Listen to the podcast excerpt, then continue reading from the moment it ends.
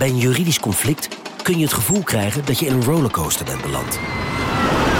Je wereld staat op zijn kop en je bent de controle even helemaal kwijt. Dan is het fijn als je bent verzekerd bij ARAG. Daar werken topjuristen en advocaten die je begrijpen. Die een stap extra voor je zetten. En je het gevoel van controle teruggeven. Met kennis en informatie, met heldere uitleg en met gericht advies.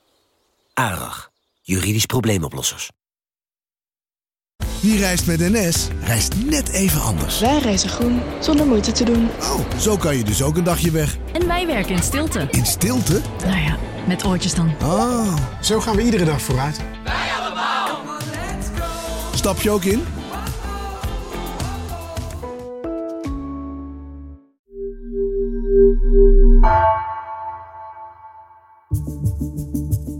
Vanaf de redactie van NRC het verhaal van vandaag. Mijn naam is Gabriella Ader.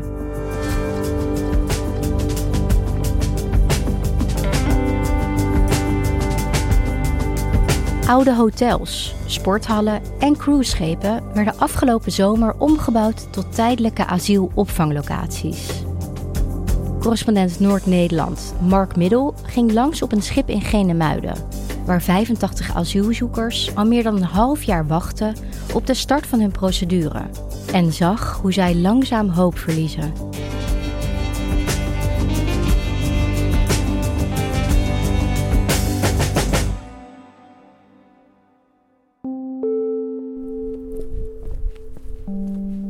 Afgelopen week was ik in Genemuiden. Dat is in de kop van Overijssel. En dat lag een heel groot schip. Een oud soort van riviercruiseboot. Echt een heel mooi schip dat normaal over de Donau vaart. En dan dat je dan langs Wenen gaat en Budapest. Met allemaal oudjes erop die dan een dagje kunnen gaan shoppen. Maar dat schip dat ligt nu al nou, maanden in Nederland stil aan de kade. Met daarop 85 vluchtelingen. Het zijn allemaal mensen die in Ter Apel sliepen. Vaak buiten nachten hebben doorgebracht daar in de zomer toen er een asielcrisis was. En een van de mensen die ik daar sprak was de 25-jarige Turkse vluchteling Mert. Well, this is our room. It's just a little messy right now. but yeah, this is the room that this is my uh, roommate, and we have our private shower and toilet. Uh, we don't look or seek any uh, luxury. That uh, we just wait here for our procedures to move along. Wat je zag waren allemaal mensen, voornamelijk mannen, jonge mannen, die daar op de banken een beetje ja, voor zich uit zaten te kijken, met hun benen over de relingen hingen en in de fauteuils een beetje onderuit gezakt zaten. Want zij zitten daar nu al een half jaar te wachten op hun asielprocedure. It's just empty days. You lose the date, you lose the time. It's just waiting for the unknown. Hij zegt van ik zie mensen om me heen langzaam depressief worden. Ze krijgen mentale problemen. Alleen maar door het wachten en wachten en wachten. Daar raken ze door vermoeid. Uh, stoppen met bijvoorbeeld uh, maaltijden te eten en blijven op een kamer liggen. Draaien de dag en nacht om, dus gaan opeens s'nachts leven in plaats van overdag. En op dit moment zijn er dus 6300, dus 6300 mensen, uh, die wachten op hun eerste gesprek bij de IND.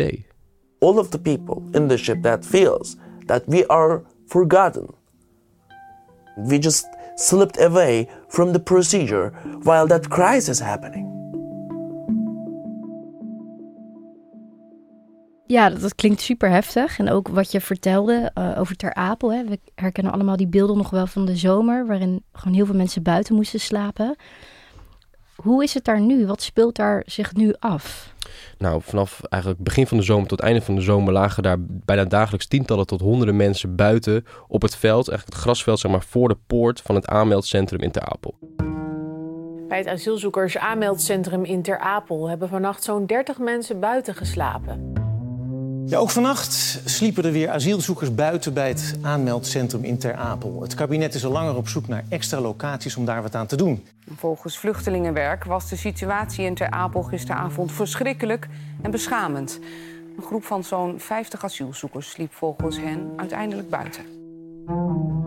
Asielzoekers in Ter Apel blijven maar noodgedwongen buiten slapen. Afgelopen weekend waren het er meer dan 300, het hoogste aantal in jaren. Er is te weinig plek in de asielzoekerscentra.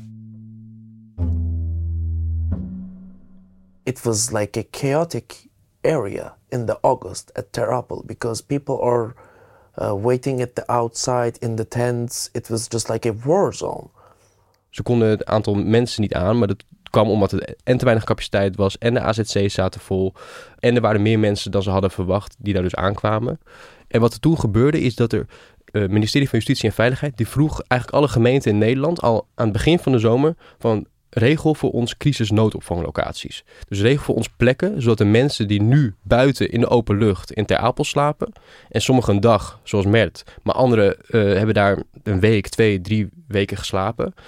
regel voor in ieder geval onderdak voor hen. Nou, dat hebben toen gemeenten massaal gedaan. The core personnel said to us that I need 50 people that go into that bus, take the bus, and they will put you on a sports hall that you can basically have a roof on top of your head. And we said, okay, then uh, went with the bus. Dat gaat over sporthallen, dat gaat over omgebouwde kantoren, over hotels. Allemaal verschillende soorten plekken. En dus ook zo'n riviercruiseboot, zoals we nu in Genemuiden hebben. Alleen het was toen niemand had enig idee voor hoe lang. Of dat nou voor een paar dagen zou zijn of voor een paar weken. Maar wat ze in ieder geval niet hadden verwacht, was dat het zes maanden zou gaan duren dat deze mensen op zo'n crisisnoodopvanglocatie zouden moeten blijven. Ja. Oké, dus er slapen geen mensen meer voor de poorten van Ter Apel, waar het COA verantwoordelijk is. Uh, en nu hebben de gemeente noodopvang geregeld. En wie is er dan verantwoordelijk voor deze mensen zodra ze in die noodopvang zitten? Is dat dan het COA of zijn dat de gemeenten? Ja, dat is eigenlijk de grote vraag. Want het COA zegt van wij zijn alleen maar verantwoordelijk binnen onze poorten, dus binnen de poort van Ter Apel en in de AZC's. Uh, het IND gaat eigenlijk helemaal niet over de opvang. Dus zodra ze in die bus stappen, zijn eigenlijk de gemeenten verantwoordelijk. Maar wat er toen gebeurde, was dat die gemeenten eigenlijk totaal niet voorbereid waren en ook niet voorbereid werden op wat ze, nou, zou gaan gebeuren. Dus wat ik bijvoorbeeld in Genemuiden hoorde, was dat er bijvoorbeeld op donderdagmiddag gezegd werd van... nou, er komt zometeen een bus aan met 100 asielzoekers uit de Apel. En dat zij dachten van, oké, eh, een uur later was er al een, kwam er al een vrachtwagen aan met allemaal materialen... dus met veldbedjes en uh, eten en dat soort dingen. S'avonds kwamen de eerste asielzoekers aan. En toen kwamen die mensen uit de bus, maar zij wisten helemaal niet wie die mensen waren. Die mensen zijn niet geregistreerd. Ze hebben geen lijstje gekregen met deze en deze meneer en deze mevrouw komen. Dus toen zijn ze ook maar begonnen met te kijken van oké, wie zijn deze mensen? En wat is er met hen aan de hand? Want wat ze toen merkten was dat iedereen die in die bus zat, die had ook zijn eigen problemen. Dus sommige mensen hadden schurft. Nou, dat is hartstikke besmettelijk. Daarvoor moet je dus eigenlijk in een andere ruimte liggen. Andere, er was een kankerpatiënt, nou ja, die moest gewoon zijn medicijnen hebben. Die moest een behandeling krijgen in het ziekenhuis. En je moet dan bedenken, dat zijn eigenlijk gewoon gemeenteambtenaren die normaal de bouwplannen goedkeuren van de gemeente. En die moeten nu opeens als een soort van uh, maatschappelijk werkers daar uh, heel snel een crisis gaan oplossen. En er was bijvoorbeeld ook een hoogzwangere vrouw uh, op die donderdagavond die toen aankwam. En ze had buikpijn. Oei, dus die leek te gaan bevallen. Die leek te gaan bevallen. Nou, dat is dus ook twee dagen later al gebeurd. Dat wordt van tevoren niet over gebeld. Van nou, geachte gemeente Zwolle, er komt ook een hoogzwangere vrouw aan het was een totale chaos uh, waar ze toen mee te maken hadden. Ja, en wat kunnen de gemeenten dan doen? Hoe ver kunnen ze gaan? Wat hen verteld werd is van je moet alleen eigenlijk bed, bad en brood regelen. Dus regel onderdak, regel dat er drie maaltijden komen en regel dat er douches zijn en toiletten. Maar als jij een asielzoeker bent en je bent nog niet door de eerste uh, gesprekken bij de IND, dan heb je eigenlijk nog helemaal nergens recht op. Dus nee. je hebt geen recht op leefgeld. Dus je kan niet even sigaretten kopen of een koffietje halen of schoon ondergoed. Dat moet je allemaal van je eigen geld doen. In principe uh, is er niks voor je geregeld qua zorg en ook niks qua onderwijs. Eigenlijk mag je helemaal niks. En het enige wat je kan doen is wachten. Ja. Dus wat je op een gegeven moment merkt, dat die gemeenten ook denken van ja, op deze manier is dat bed, bad en brood, dat is niet houdbaar als dit langer gaat duren dan een paar dagen. Dus wat uh, de veiligheidsregio IJsselland, waar Genemuiden onder valt, toen heeft gedaan, zij hebben gewoon besloten, oké, okay, wij gaan nou, vanaf november gewoon deze mensen 12,95 euro leefgeld uitkeren per week. Een soort zakgeld. Een soort zakgeld waardoor ze in ieder geval even de bus kunnen pakken naar Zwolle. Uh, of even een koffietje kunnen halen, sigaretten kunnen kopen. En ze hebben ook zorg geregeld. Dus er zijn daar twee huisartsen die daar parttime voor die mensen zorgen. En onderwijs. Dus ook mensen kunnen daar uh, Nederlands leren. Dus het ligt wel echt een beetje aan de gemeente hoeveel er voor de vluchtelingen gezorgd wordt. Ja, precies. Dat is pas nu sinds eind december is dat pas officieel beleid. Dat iedereen in Nederland recht heeft op dat leefgeld. Maar ja, daartussen zat dus maandenlang dat ja, je eigenlijk mazzel had als je dan bijvoorbeeld in Genemuiden zat. Ja. En pech had als je in een gemeente zat die eigenlijk niks voor je regelde. Ja. Ja, wat je nu allemaal vertelt, dat lijkt me niet echt iets wat nou lang houdbaar is, toch? Ik bedoel, is er niet een plan? Nou, ehm, eigenlijk is er geen plan. Want dit is een soort van. Ja, het is natuurlijk een, een crisissituatie ontstaan. En toen was er blinde paniek. En nu is het soort van opgelost omdat de mensen niet meer buiten voor de poort in Ter Apel slapen. Dus de IND moet eigenlijk deze mensen nu uitnodigen voor een gesprek om zo in de asielprocedure te komen. Maar waar we dus achter kwamen is dat de IND ook niet precies weet waar iedereen zit. Dus zij sturen af en toe brieven naar locaties uh, om bijvoorbeeld nou, Mert uit te nodigen voor een gesprek. Maar dan blijkt dat hij daar helemaal niet woont of dat hij op een andere locatie zit. Wat ik heel schrijnend vond ook op die boot was dat iedereen bijna niemand sprak Engels. Alleen Mert sprak goed Engels en nou, ze spraken sowieso geen Nederlands. Maar iedereen kende de woorden ik weet het niet. Dat komt omdat ze dus... Iedereen heeft talloze telefoontjes gepleegd. Naar de IND, naar gemeente, naar COA. Naar iedereen die ze maar konden spreken. En om gewoon de vraag te stellen: wanneer ben ik aan de beurt? Waar sta ik in mijn procedure? Wanneer krijg ik een uitnodiging? En het antwoord dat ze allemaal krijgen is: ik weet het niet. We didn't saw any IND official since we came here. In the first day we saw them on the Terapel and that's it. Even the COA comes on the ship. The only answer they gave us that we have no idea how it's going on or what's going on in the situation.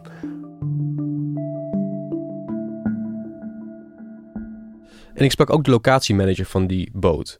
En hij zegt ook van ja, ik heb zeker twintig keer naar de IND gebeld. Maar als ik naar ze bel, dan sta ik eerst 45 minuten in de wacht. Als ik dan al iemand spreek aan de front office, dan vragen ze van... Uh, nou, we kunnen wel enig wat we voor je kunnen doen, is een belnotitie achterlaten. En hij zegt, ja, ik heb wel zeker 20 belnotities achtergelaten en ik ben al nooit teruggebeld. Ja, wat zegt de IND erover? Ja, de IND die erkent de problemen. Die weet dat het heel lang duurt en die zeggen ook dat het waarschijnlijk in 2023 nog heel lang gaat duren. Want ja, ze weten dus niet waar iedereen zit.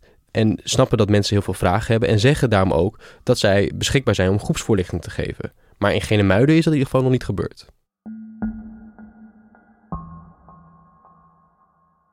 Ja, als ik jouw verhaal zo hoor, word ik er wel echt een beetje moedeloos van. Ik denk heel veel mensen uh, die dit luisteren ook. Maar is er in ieder geval iets van perspectief voor de jongens zoals Mert of andere vluchtelingen die die, die asielprocedure moeten gaan doorlopen? Uh, het idee is dat is vanaf het 1 april het COA in principe de opvang overneemt van de gemeente. Maar als ik dan de veiligheidsregio IJsselland spreek, die zegt van ja, wij hebben onze twijfels of dat gaat lukken voor 1 april. Dus we houden er rekening mee dat wij ook na 1 april nog deze mensen moeten opvangen. En kan dat? Is er, is er ook plek voor die jongens? Nou ja, dat is een beetje de vraag. Want eh, het is het een strijd om plekken. Dus niet alleen deze mensen moeten opgevangen worden. Maar je hebt ook nog uh, 80.000 Oekraïners in Nederland die opgevangen moeten worden. En vanaf april gaat deze boot weer varen over de Donau richting Wenen en Budapest. Dus dan moet er weer een nieuwe plek geregeld worden. Maar heel veel mensen zitten bijvoorbeeld ook in hotels. Maar hotels gaan in de zomer lopen ook weer vol met toeristen. Dus daar komt ook steeds minder plek. Dus het is continu een strijd om andere plekken. En ja, het gaat het met contractjes van drie maanden. Even drie maanden hier, even twee maanden daar, een maandje hier. En die mensen worden dus continu van plek naar plek gestuurd. Ja, dus dat betekent eigenlijk dat er geen structurele oplossingen zijn. Nou ja, wat er ten eerste moet gebeuren is dat er meer capaciteit komt bijvoorbeeld bij de IND, zodat er meer mensen gehoord kunnen worden. Want er komen elke dag meer mensen die een interviewverzoek indienen, dan dat zij ze kunnen afhandelen. En daarnaast, wat er eigenlijk iedereen zegt, het antwoord op de vraag is, er moet gewoon meer huizen gebouwd worden. Want dan kunnen mensen veel sneller doorstromen. Want de AZC's zitten ook grotendeels vol met mensen die al recht hebben op een woning. De zogenaamde statushouders. Als die doorstromen naar een woning, dan komen er meer plekken vrij in de AZC's. En dan kunnen mensen zoals Mert gewoon in een normale opvang in de AZC wachten. Ja, dus het verhaal brengt ons eigenlijk weer terug bij het woningtekort. Ja, de woningcrisis. Ja. hey, en hoe kijkt Mert nu naar de toekomst? Nou, hij is wel een beetje moedeloos uh, en ook vermoeid van al het wachten. Je merkt aan hem dat hij ook, nou ja, wat hij ziet ook om zich heen, dat mensen echt achteruit gaan. Please send us or show us something that make us feel that we are not forgotten. Maar toch hoopt hij en houdt hij ook hoop dat hij dus in Nederland nog zijn toekomst kan gaan opbouwen. We came to Netherlands because we believed in the law system, in the rules. And we believe that this is a asylum for us to start over.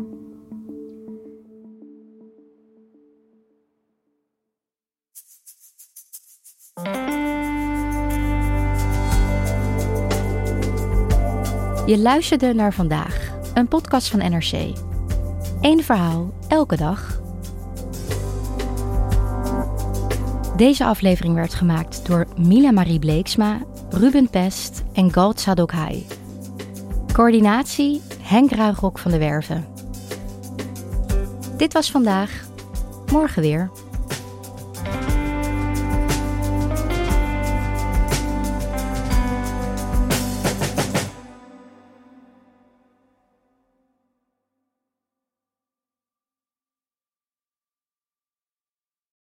De financiële markten zijn veranderd, maar de toekomst, die staat vast. We zijn in transitie naar een klimaatneutrale economie. Dit biedt een van de grootste investeringskansen van onze generatie. Een kans voor u om mee te groeien met de pioniers van morgen. Meer weten? Ga naar carbonequity.com. Carbon Equity. Do good by investing better.